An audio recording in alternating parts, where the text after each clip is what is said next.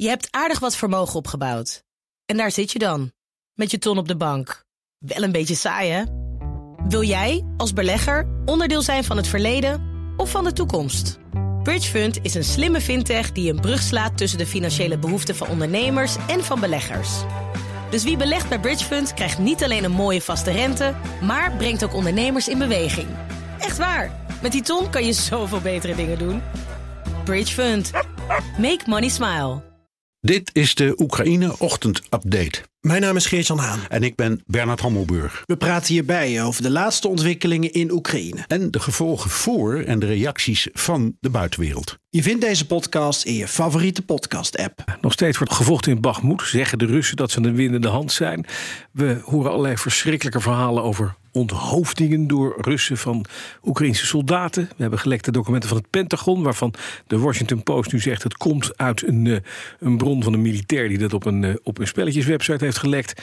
En er zijn allerlei geopolitieke spanningen. Nou, er is genoeg te bespreken met onze Oost-Europa-commentator Geert-Jan Haan en onze eigen buitenlandcommentator Bernard Hammelburg. Mannen, goedemorgen. Goedemorgen. Zullen we eerst eventjes gewoon naar de oorlog zelf gaan? Even naar Bakhmut, mannen. Mag dat? Jazeker. Zeker. Nou, Geert-Jan, wat, wat, wat gebeurt daar? Is het daar inderdaad aan het kantelen ten gunste van de Russen? Ik denk dat je moet beginnen bij dat er uh, recentelijk waarschijnlijk rotaties zijn geweest aan Russische zijde. En uh, wat je dan uh, kunt observeren is dat de Russische Airborne, de VDV, die heeft nu mogelijk de regie over de situatie rondom Bakhmut. Terwijl de Wagner-eenheden in het centrum van de stad de straatgevechten doen. Dus je ziet hier een samenwerking, maar je ziet hier ook een machtsstrijd. Want aan de ene kant um, ja, zie je dus uh, dat 80% van Bakhmut grosso modo nu in Russische handen is. Um, en dat ze daar dus samenwerken. Maar ja, je gaat je toch afvragen wie gaat aan Russische zijde dan de credits opeisen van die verwoesting? Is dat. Hm. Uh, Gerasimov namens het Russische leger of Prigozhin namens Wagner. Ja. En dat speelt echt mee op de achtergrond. En um, ja, wat ik zei, 80% van Bakhmut het, is, is het ligt eraan hoe je het rekent, uh, is, is plat uh, en in Russische handen. Het Oekraïnse gebruik van drones wordt verstoord. Het enige dat je nog als positief voor Oekraïne kunt beschouwen is dat hun troepen nog steeds niet omsingeld zijn. Uh, om die reden houden ze het nog vol zoals ze Bakhmut al tien maanden verdedigen. Ja, precies. Straks hè, dan komt natuurlijk die claim van de Russen. Of van het Russisch leger, of van Prigozhin en zijn troepen, zijn Wagner-troepen. Wat zou dat nog aan, aan, aan draaiing kunnen geven vanuit het Kremlin. Bernard, Gert-Jan, ik weet niet wie van jullie daarover iets over kan zeggen. Iets zinnigs? Nou, um, ik, ik, begrijp niet helemaal de vraag. Je bedoelt als... als ja, stel nou dat het Bachmoed valt. Dan hm. krijg je twee partijen die kunnen het, de overwinning claimen. Dat is ja. enerzijds het Russisch leger. Maar ik denk dat het Kremlin het dan toch naar zich toe trekt. Ja. Dat zou ik altijd doen, ja, vanzelfsprekend. Want het, de, de, iets waar tien, jaar, tien maanden over is gevochten. Mm -hmm. En uiteindelijk valt het in handen of het nou bij afdeling 1 of 2 terecht uh, komt. Het is een overwinning uh, in, in afval in Russische en Oekraïnse ogen van behoorlijk grote betekenis. Maar om het een beetje in perspectief te houden, ja, dat winnen en verliezen. Het is een gevecht om een ruïne. Er woont, er woont niemand nee, meer. Nee. En, en ik las net dat de, de grote doorbraak van Wagner nu in de afgelopen 24 uur was het um, in beslag was, was het veroveren van drie huizenblokken.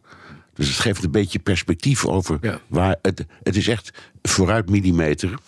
Uh, en uiteindelijk, ja, de Russen gaan daar winnen. Er is geen twijfel dat dat niet gebeurt. Het is iets wat uh, de Amerikanen ook al maanden geleden hebben voorspeld. En je weet, die hebben toen geadviseerd aan Zelensky: hou ermee ja. op. Ja. En gebruik je troepen en je materieel voor dat voorjaarsoffensief waar je mee bezig bent. Het is gewoon zonde van de tijd. Maar het is een symbool geworden. En ik, ik, het heeft iets heel tragisch dat je zoveel aandacht, mensen, levens, materieel opoffert voor het gevecht om een ruïne. Ja, dat is duidelijk. Eventjes naar die, die uh, uh, gelekte documenten van het Pentagon, Bernard. Want ook, ook dat is een, een, een verhaal hè, wat heel erg speelt in Amerika. Maar waarin, of waaruit ook opklinkt dat met name een tegenoffensief van het Oekraïnse leger eigenlijk weinig kans van slagen heeft. Want het, luchtwapen uh, van, de, van de Russen, Geert-Jan zegt het net, dat wordt, dat wordt steeds sterker. Ja, eh, gaan ze gelijk krijgen. Dat, dit zijn documenten van februari. Komt er zo'n voorjaarsoffensief nog vanuit Oekraïne? Nou ja, je moet er wel opschieten, want het voorjaar is, al voorbij. bezig. Ja, dus misschien wordt het wel een vroege zomeroffensief. Ik denk eerlijk gezegd wel dat zo'n offensief er komt. Alleen hebben we het al eens eerder over gehad. Hoe, hoe definieer je nou precies een offensief? Wat is dat nou precies? Hè? Is dat een heel groot oprukkend uh, uh, front? dat is in de klassieke ehm, vorm van oorlog voeren is dat een offensief. laten we zeggen, de inval in Normandië in de Tweede Wereldoorlog, dat was een heel duidelijk offensief. Of is het een opeenstapeling of, of, of een aantal losse acties die samen een, een doorbraak kunnen uh, geven? Bijvoorbeeld de inzet van meer drones, op een punt het, het, uh, uh, het inzetten van meer grondsoldaten op een ander punt. En zo een soort van combinatie. Ik weet niet precies. Uh, het, het beeld dat die documenten beschrijven, is dat eigenlijk Oekraïne er niet zo heel erg goed voor staat en enorm zit te springen, vooral om munitie. Nou, dat is op zichzelf niks nieuws. Maar het geeft ook een aardig doorkijkje aan de Russische kant, want ook die staan er niet geweldig voor. Nee, nee. Um, dus de, de Russen zullen behoorlijk de pest in hebben wat dat betreft. Dat de Amerikanen zo goed op de hoogte blijken te zijn van de situatie aan de Russische kant. En overigens, wat mij in, in, in, die, in die documenten eigenlijk het meest op is gevallen, en daar wordt, vind ik, bijzonder weinig aandacht aan besteed, mhm. is het feit dat er uh, honderd westerse commando's rondstappen. Oekraïne zijn. Ja. dat is totaal in strijd met wat de NAVO steeds maar heeft volgehouden. Er komen geen NAVO-troepen en eh, commando's zijn ook troepen in Oekraïne. We gaan niet die rechtstreeks confrontatie aan.